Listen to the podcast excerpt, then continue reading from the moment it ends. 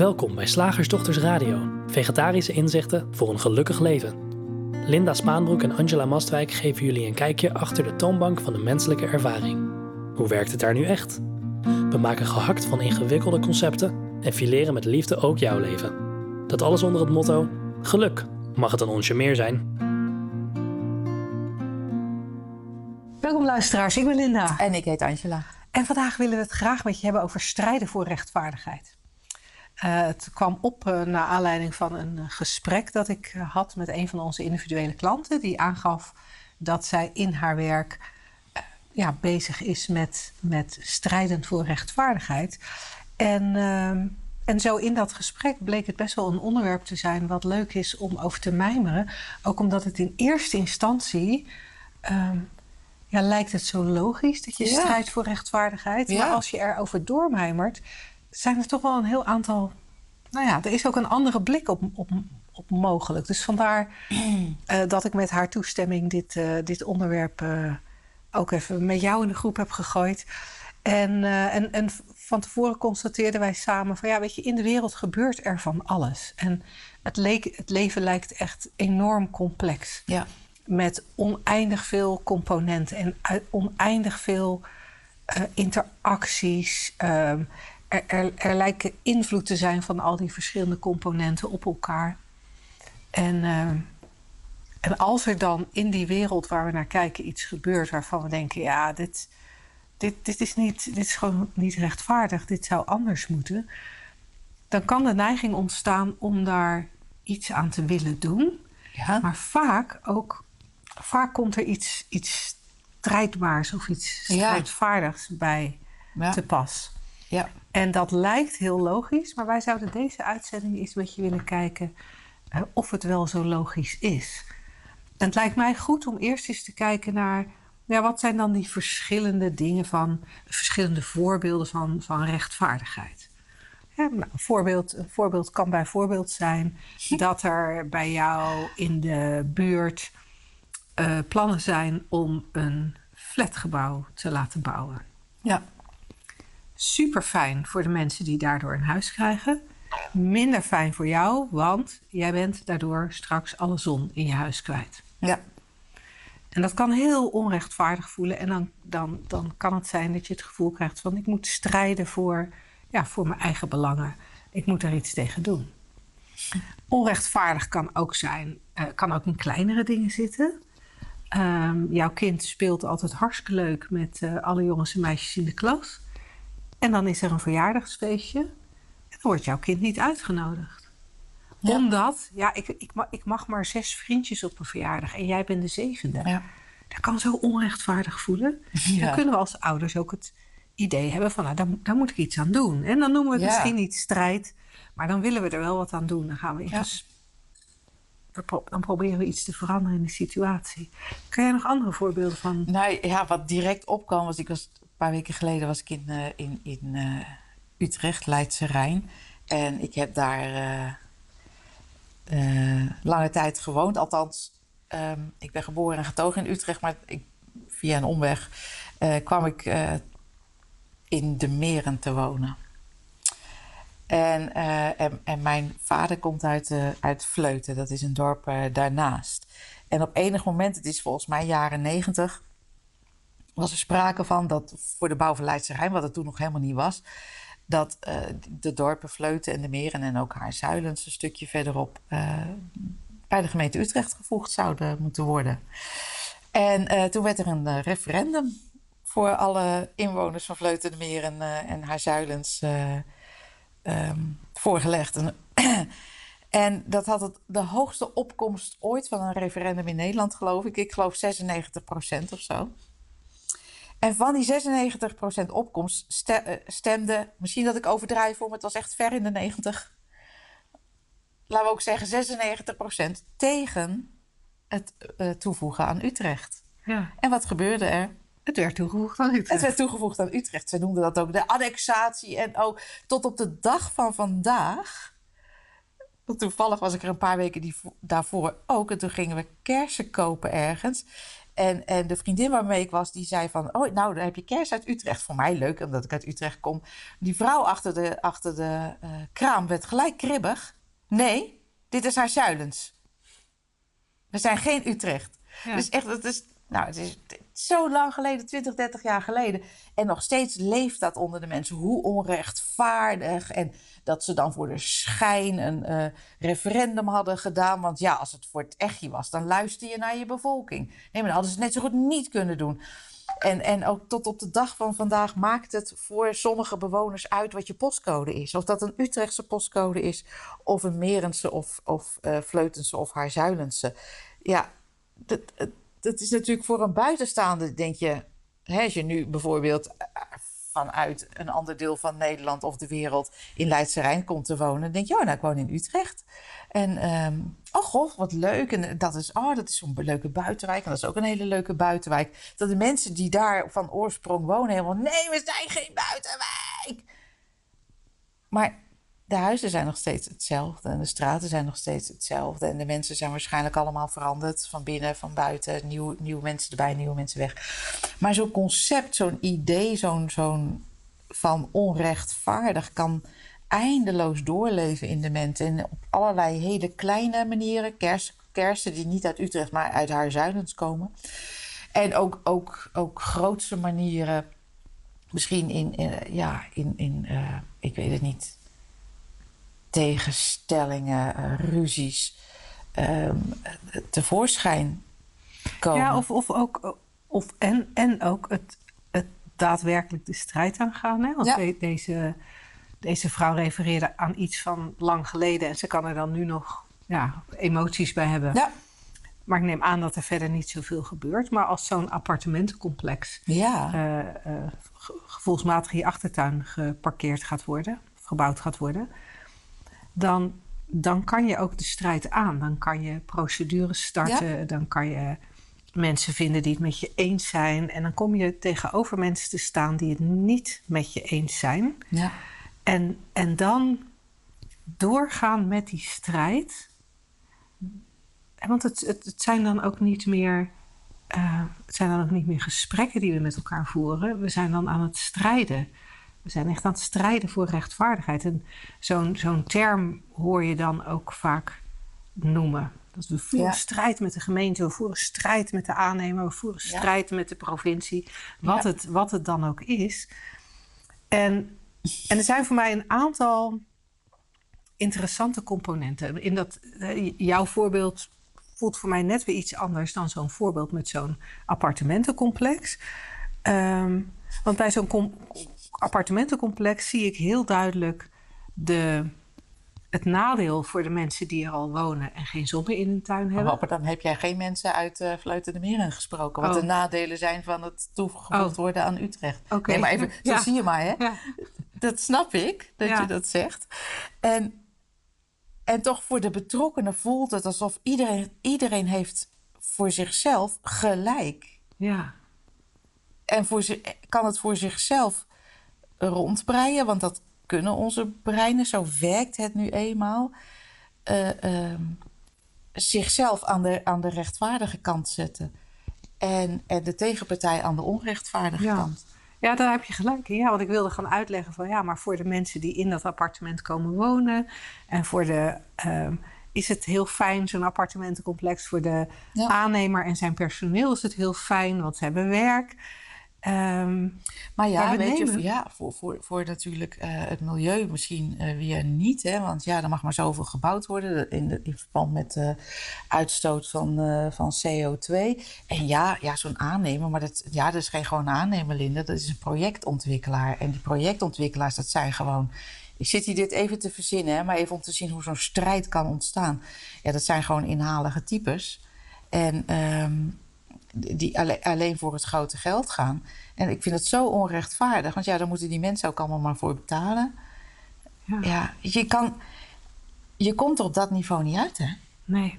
Je komt er op dat niveau gewoon niet uit. Zelfs niet echt, echt in, in, in de meest simpele zwart-wit gegevens waarvan je denkt: ja, maar hier is echt duidelijk wel één partij het slachtoffer en één partij de dader. Of één, één partij staat aan de kant van de rechtvaardigheid en de andere kant aan de kant van de onrechtvaardigheid. Zelfs bij die hele clear-cut lijkende situaties. Ja, het menselijk brein, het denken is zo creatief dat iedereen zijn eigen gelijk kan bewijzen. En zijn eigen rechtvaardigheid kan voelen. En het bestaat gewoon in wezen niet. En het wil niet zeggen dat jij en ik, of althans laat ik voor mezelf spreken, dat ik niet dingen oneerlijk kan vinden. Maar ik weet wel dat dat mijn persoonlijke mind is en dat ik niet alle componenten ken. Dat kan niet. Nee. nou, en dat, dat, dat, dat vind ik een interessant aspect. Want we kunnen nooit alle componenten kennen. Ook al denken we, we maken onszelf wijs van wel, maar dat, dat, dat kan gewoon niet. Want we, we kunnen niet exact weten wat de tegenpartij denkt. Of wat de beweegredenen zijn van de tegenpartij. Of wat de tegenpartij voelt. Wat ik ook een interessant gegeven vind. Naast het feit dat we niet alle componenten kunnen overzien. Dat we met het strijden voor, voor die rechtvaardigheid.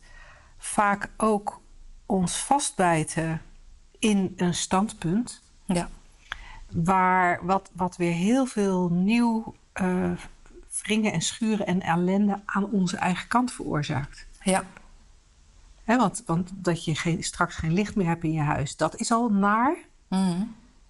Maar vervolgens al het denken, of, en tegelijkertijd al het denken over die onrechtvaardigheid, over hoe je tekort gedaan wordt, over dat dit niet zou mogen gebeuren, over hoe je leven verpest wordt. Uh, dat, dat op zich is ook al een element wat je leven verpest. Ja, het is ja, sowieso. Hè, ik, ik vond het uh, leuk om deze titel te zien. Sowieso strijd. Hè, waar ook voor of waar ook tegen. Je gaat uit van afgescheidenheid. En, en ik kan me voorstellen dat je nu luistert dat je denkt: ja, hallo, maar als ik geslagen word, dan. Of als ik zie op straat dat een kind geslagen wordt, dan. Ja, dat soort natuurlijke impulsen, dat natuurlijk zijn die er en dan mag je gerust gehoor aangeven. Alleen al dat denken eromheen, hè? Dat, dat die. Als je weet dat. En ik, ik pak er een paar dingen bij hoor. Van nothing is either good or bad, but thinking makes it so. De uitspraak van uh, Shakespeare. Wij weten helemaal niet wat goed en slecht is. Ook al denken we het wel te weten. Ik, inclusief ik. Ja, Ik denk bij heel veel dingen in de wereld, doe eens niet. Op z'n Utrechts, geef elkaar een hand, maak geen trammeland. Hè? En toch, hè, dat is op persoonlijk niveau. Maar als je één stapje dieper kijkt, en daar zit ook, zit ook echt alle oplossingen. En die mag je heel letterlijk nemen. Oplossingen van tegenstellingen. Ehm, dan is het toch geen handige beweging, die persoonlijke mind. Zonder dat je een, een, een, spirituele deurmat wordt. Hè? Want je kan actie ondernemen, natuurlijk.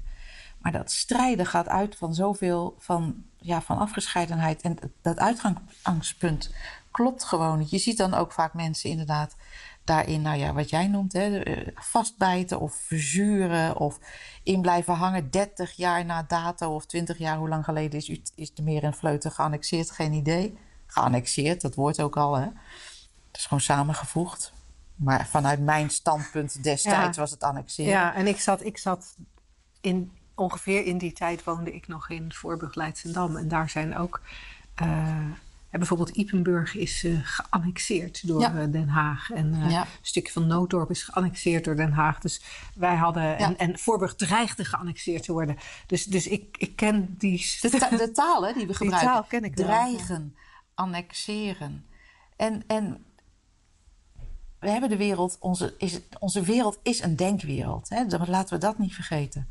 Onze wereld, alles wat vorm aangenomen heeft, heeft vorm aangenomen vanuit een idee en vaak vanuit het idee van afgescheidenheid. Als we het hebben over menselijke bewegingen.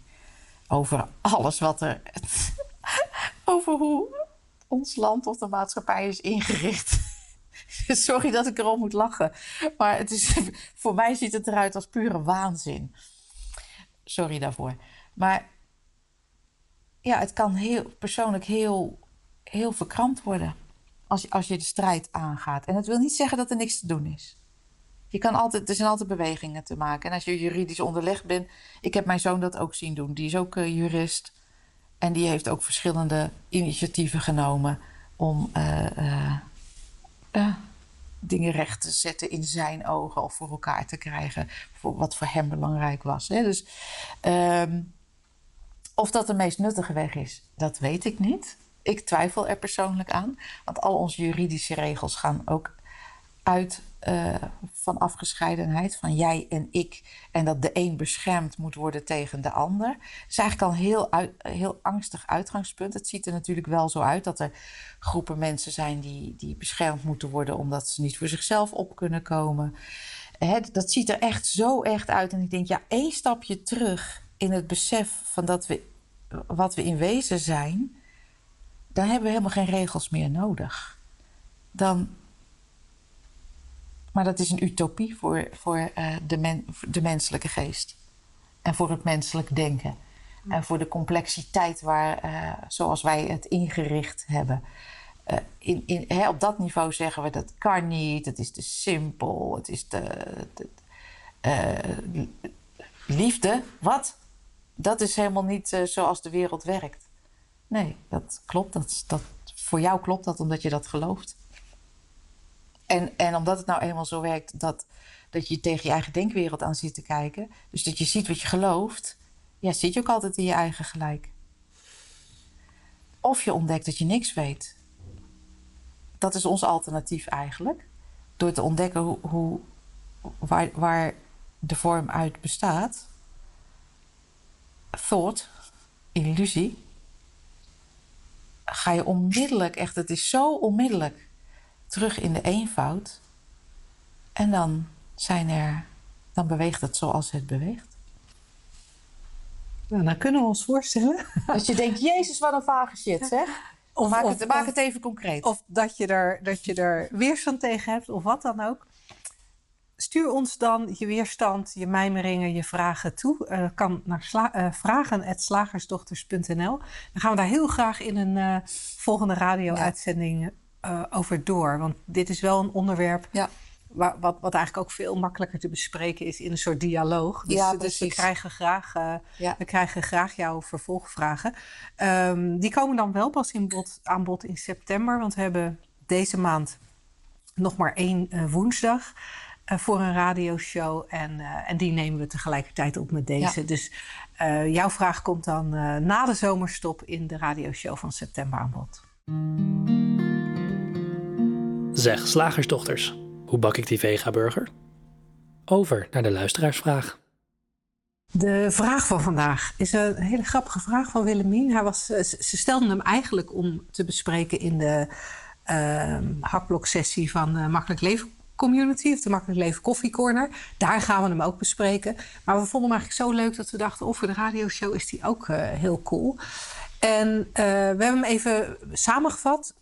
En dan luidt de vraag: Jullie zeggen dat denken onpersoonlijk is. Maar toch lijken mijn gedachten echt bij mij en mijn situatie te passen. Dus hoezo onpersoonlijk? Mm-hmm. En als voorbeeld um, gaf ze erbij: als de telefoon gaat, dan komt de gedachte in me op: wie zou dat kunnen zijn? En, en de antwoorden op, op die mijmering, wie zou dat kunnen zijn, gaat dan altijd over mensen die ik ken. He, dus zowel, dus er gaat bij mij in huis een telefoon. En ik denk daar iets bij. En dan denk ik aan mensen die ik ken. Dat voelt heel persoonlijk. Ja, dat voelt het ook. ja. En dat is eigenlijk, dat is eigenlijk het dat ding met elke vorm van denken. Met elke vorm van denken. Het voelt ook heel persoonlijk de inhoud is ook persoonlijk, lijkt het. want als je opgegroeid bent, zeg ik wel eens in, in, in weet ik veel, een uh, nog onontdekte stam in de binnenlanden van uh, Zuid-Amerika, je waarschijnlijk, uh, waarschijnlijk niet het idee krijgen: ik, ik kan profvoetballer bij AC Milan worden. Nee. Nee, nou, en jij, en jij las vanochtend een berichtje op LinkedIn, waar, wat voor mij ook zo duidelijk maakt dat, dat het, het denken uh, anders kan zijn op een bepaalde ja. plek dan op een andere plek. Jij, jij, las een onderzoek dat gedaan was bij Amish, uh, uh, Amish gemeenschappen. En dat daar veel van de allergieën en ontwikkelingsproblemen bij kinderen eh, gewoon helemaal, helemaal niet voorkomen. Niet minder, maar gewoon niet. Nee, geen chronische ziektes. Uh, dus dat is heel, heel interessant. dus ja, blijkbaar is er iets met dat.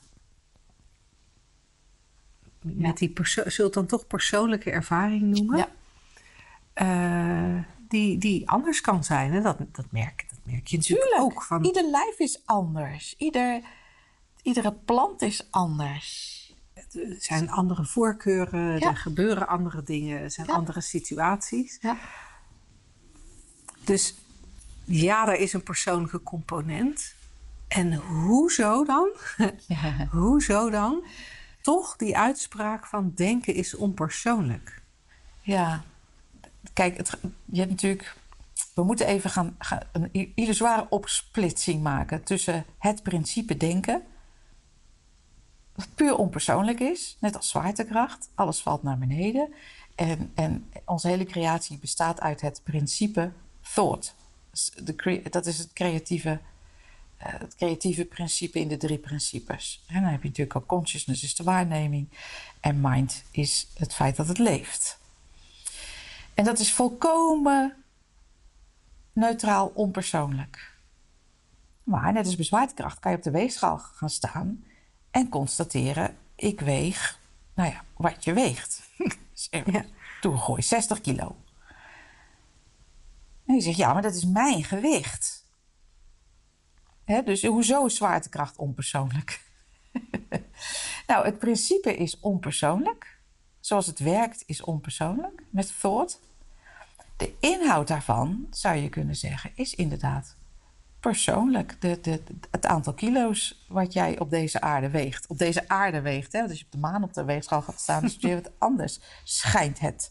Ik heb het niet uitgeprobeerd, moet ik zeggen. Of als je heel hoog in de Himalaya bent en je gaat op een weegschaal staan, weeg je ook minder. Dat is een goede tip voor mensen die denken dat ze te zwaar zijn.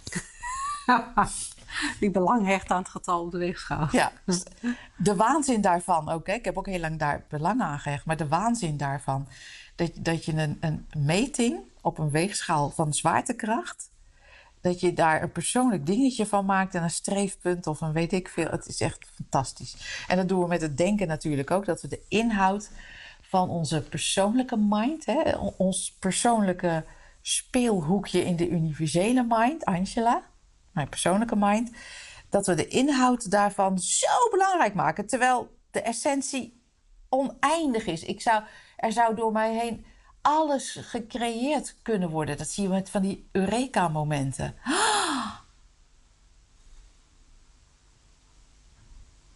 Maar nee, ik ga, en wie dat dan is, dat weet ik ook niet, persoonlijk proberen om de inhoud van mijn kleine gedachtehoekje in de universele mind zo in te richten dat het voor mij een beetje prettig is. Een beetje positief. Het is eigenlijk, het is heel grappig. Nee, want, daar, want daar zit voor mij eigenlijk de. En dat was niet de het- vraag het- van... Nee, sorry. nee, nee. Maar daar, daar zit voor mij wel het interessante als we het hebben over. eh, ja, alle denken is onpersoonlijk.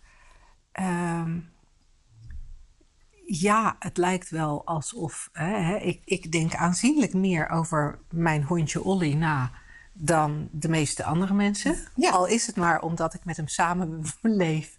dus hij is veel om mij heen. Eh, jij denkt ook af en toe aan Olly. Ja. Maar er zijn, heel, er zijn meer mensen in de wereld die nooit aan hem denken. Dus, je, dus in die zin, ja, lijkt dat een beetje... Zou je dat persoonlijk kunnen noemen. Maar wat voor mij, het, het, eh, hoe ik het vaak voor mezelf veel liever vertaal... is het is volkomen random. wat, er, wat er opkomt aan denken in een moment... is zo ontzettend willekeurig... Ja, want ik gaf net het voorbeeld. Net kwam er blijkbaar de gedachte op om Olly als voorbeeld te geven. Maar ik had net zo goed mijn laptop als voorbeeld kunnen geven. Ik had jou als voorbeeld kunnen geven. En, en al die voorbeelden hadden precies dezelfde strekking gehad. Maar dat voorbeeld over Olly kwam eruit. Ja, waarom? Hoezo? Wat mij betreft omdat het heel erg random is. En, en ja, want persoonlijk en onpersoonlijk, dat, dat, ja, dan, dan moet je inderdaad op die twee niveaus gaan, gaan Ja. praten. Maar dat, dat is gewoon niet de ervaring. De, de ervaring is van dat persoonlijke denken. En daarvan herkennen dat het nogal willekeurig is. En dat de ene gedachte ook niet beter is dan de andere gedachte. Dat de ene gedachte hooguit een ander gevoel oproept dan de ander. Maar dat het in zijn aard eigenlijk niks is. Het is sterrenstof, het is elfjes, elfjesstof. Ik moet ineens aan sprookjes denken. Het is, het is niks. Het is... En het is, het is echt gebakken, gebakken lucht en die gaat door jou heen als, en als door een fluit. En dan komt, want ja, mijn gedachten zijn meestal in het Nederlands. Ja. Bijvoorbeeld. Waarom? Dit systeem spreekt Nederlands. Het is aangeleerd. Dus in die zin snap ik ook die, die, de, heel goed die vraag van Willemine. En is die ook wel geniaal. Van, ja, maar het is wel dezelfde lucht die er doorheen komt. Het is hetzelfde spul. He, dat je uh, tien didgeridoos naast elkaar zet, zo'n Australische um, blaaspijp. blaaspijp. Die zijn allemaal net, als je de echt hebt, net iets anders uitgevreten door de witte mieren. Er zit allemaal net iets ander geluid in. En zo maar het is dezelfde lucht die er doorheen gaat. Het is lucht die er doorheen gaat. En dat is met denkenergie, als je het energie wil noemen natuurlijk ook. Het is allemaal hetzelfde spul. En als het door ons heen komt, ja, dan zou je kunnen zeggen... ja, of, omdat ik Nederlands geleerd heb... speelt deze fluit, deze didgeridoo speelt, Nederlands, speelt Nederlands. En omdat ik um, um, bijvoorbeeld... Uh, interesse heb in kwantumfysica, komt er door deze fluit wel eens een metafoor in die richting op. En als je er nooit van gehoord hebt, zal daar die metafoor niet opkomen. Maar, maar de essentie is hetzelfde. Ja. En dat is cool om te beseffen. En het is ook, ik vind het dan ook cool om te beseffen hoezeer we geïnteresseerd zijn in dat persoonlijke geluid. In plaats van dat we geïnteresseerd zijn in, oh wacht, oh wacht, door zo'n didgeridoo, oh, lucht, blazen en, en dan zo'n zo'n zo'n zo'n boomstam of, ja. die uitgerold is. Uh, nou, wat cool zeg. En daar komen dan allerlei soorten klanken uit.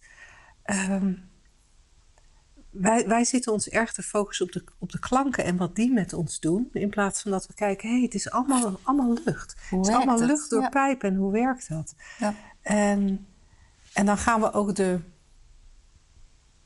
ja, de, de, de, de rust of het gemak of de ontspanning of de, de oplossing of het antwoord van de vraag gaan we zoeken in, in dat wat al gecreëerd is. Hè?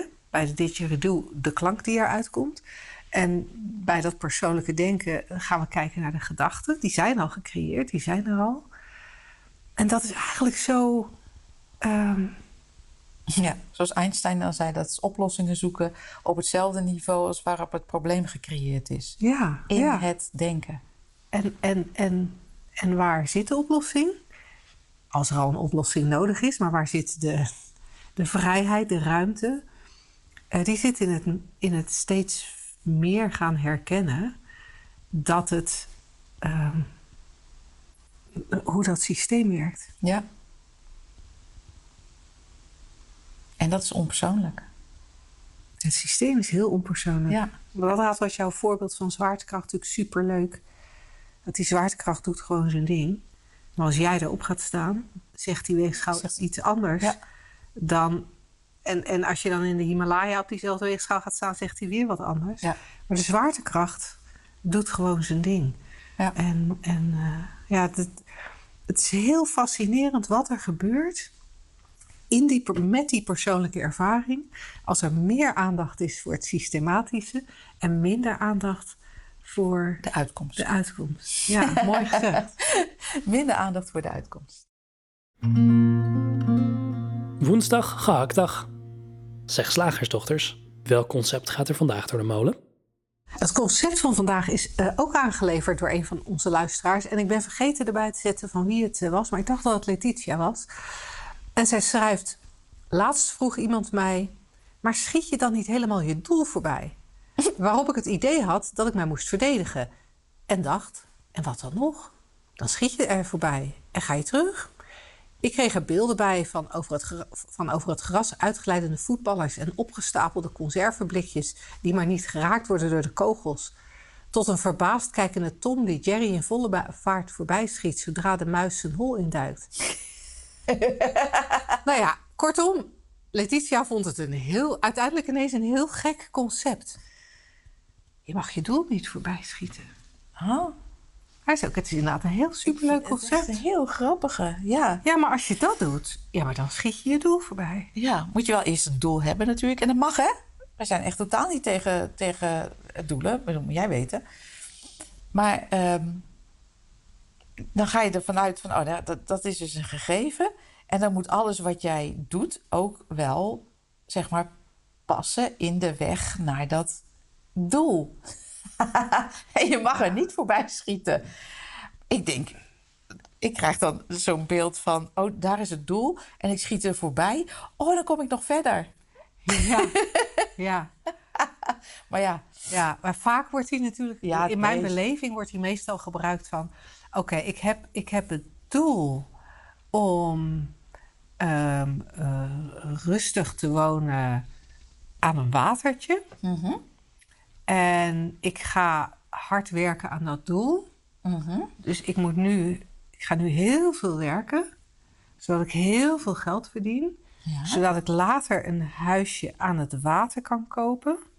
En dan zou iemand tegen mij kunnen zeggen: ho ho, je schiet je doel voorbij, want wat je eigenlijk wil is rust. En dan ga je nu knetterhard werken. En dan heb je En dus juist je geen, dood. Ja, en dan heb je dus juist geen. Zo stel ik me dat voor, je doel Oh, voorbij ja. schieten. Grappig. Zouden er andere interpretaties voor je doel voorbij schieten zijn? Want jij zag gelijk een hele, een hele praktische voor je. Ja. Eh, ja, ik denk eh, dat. eh, dat ik- sorry, mag ik even een, om- leuk omweggetje maken? Ja? Ik denk dat alle, bijna alle psychologie zijn doel voorbij schiet. Ja. Alle, nou, laat ik zo zeggen, bijna alle psychologische methodes, behandelingen. En wij moeten nou even lachen omdat hier een hondje ligt eh, heel schattig te doen. op zijn rug, benen wijd. Ja, ongegeneerd. En Die dan- schiet zijn doel niet voorbij. En dan een strikje om hebben alsof die, eh, alsof die heel beschaafd is. Ja, heel leuk. Ehm, want eigenlijk wat de mens wil is oké zijn. En de meeste, ik weet ook niet waarom ik deze route neem hoor, maar eh, de meeste behandelingen zijn erop gericht op, op uitpluizen, op categoriseren, op, op eh, eh, reguleren, op eh, ehm, oplossen, op helder krijgen, op weet ik veel. Maar het, het doel was oké zijn. En ehm, dat is zo fijn met die drie principes. Daar kan je elk moment ontdekken dat dat al een gegeven is onder al je eh, gedachten en eh, persoonlijke gedachten en persoonlijke gevoelens en, en ervaringen. Dus eh, dat zag ik even nu voor me bij zijn doel voorbij schieten. En dat is dan meer over een omweg maken met twijfelachtige resultaten. Ja. ja. Nou ja, en, en wat, wat ik er interessant aan vind, is dat als, als we er op die manier naar kijken, en eigenlijk moet ik zeggen, heb ik dat bij alle doelen. Op het moment dat er een doel gesteld wordt, of het doel nou een psychologisch doel is van ik wil deze patiënt helpen om zich beter te voelen, of het doel is meer geldgerelateerd, ik wil zorgen dat ik eh, eh, een, eh, meer geld heb en vaker op vakantie kan, of het doel is relatiegerelateerd. Ik, eh, eh, ik, ik, ik, ik moet mijn partner vaker zien, want nou, hè, dat is mijn doel, dat is fijner. In elk van die, in welk doel we ook stellen, er is, er is altijd een verlangen naar een ander gevoel dan er op dit moment is. En een, of misschien hebben zelfs- eigenlijk een gevoelsdoel. we hebben een gevoelsdoel. En, dat, en, en bij de een komt dat eruit als nou ja, streven naar het ene. En bij de ander komt het, ehm, ziet het eruit als streven Strijden. naar het ander. Of strijden tegen het ander. Ja, dat kan ook nog. Het, eh, ja. Ja, maar hoe dan, hoe dan ook, in, in, in, in alle gevallen denken we dat het doel ons iets gaat opleveren. Ja. En, en daar begint, wat mij betreft, het misverstand al. Daar, daar, ben, je, daar, daar ben je je doel al voorbij geschoten. want want je, je verlangt naar iets wat je al bent. Ja. En, en wat we natuurlijk deze uitzending al vaak hebben gezegd, dat betekent niet dat je niks mag doen. Nee, Als je joh. zin hebt om een huis aan het water te bouwen, bouw vooral een huis aan het water. Alleen verwacht niet dat daardoor de menselijke ervaring echt fundamenteel verandert. Want zolang je wat er gedacht wordt blijft geloven, zolang je niet herkent dat, dat er in wezen alleen maar eenheid is, als je niet herkent dat er in wezen alleen maar nu dit moment is, en, en dat het enige wat ons weghaalt bij dit moment schijnbaar het denken is, wat altijd over het verleden gaat of over de toekomst. Het denken gaat echt nooit over het nu. Het gaat, misschien is het, is het, gaat het denken over, over 10 seconden of gaat het over 10 seconden geleden. Maar echt denken over het nu kan niet. Want dat is gewoon al voorbij zodra we het woord uitgesproken hebben. Dus we kunnen alleen maar ervaren nu in dit moment. En, en, maar, denk, maar denken gaat in mijn ogen niet.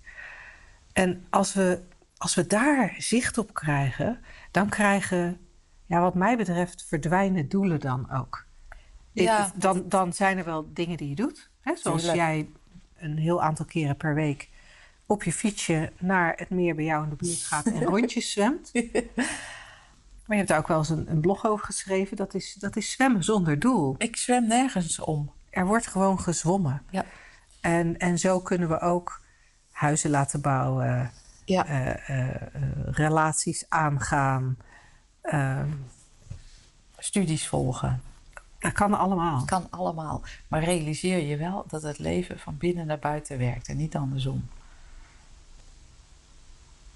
En zolang je denkt dat je welzijn afhankelijk is van het behalen van een doel, blijf je in die illusie leven en blijf je een speelbal van de omstandigheden in plaats van dat in elk moment er een oneindig speelveld is. Nou, dat dus. Mooi, daar houden we het bij voor vandaag.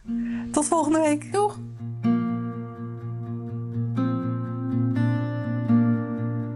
Trek in meer geluk? Download dan ons gratis e-book 3 principes voor geluk. Te vinden op www.slagersdochters.nl/gratis.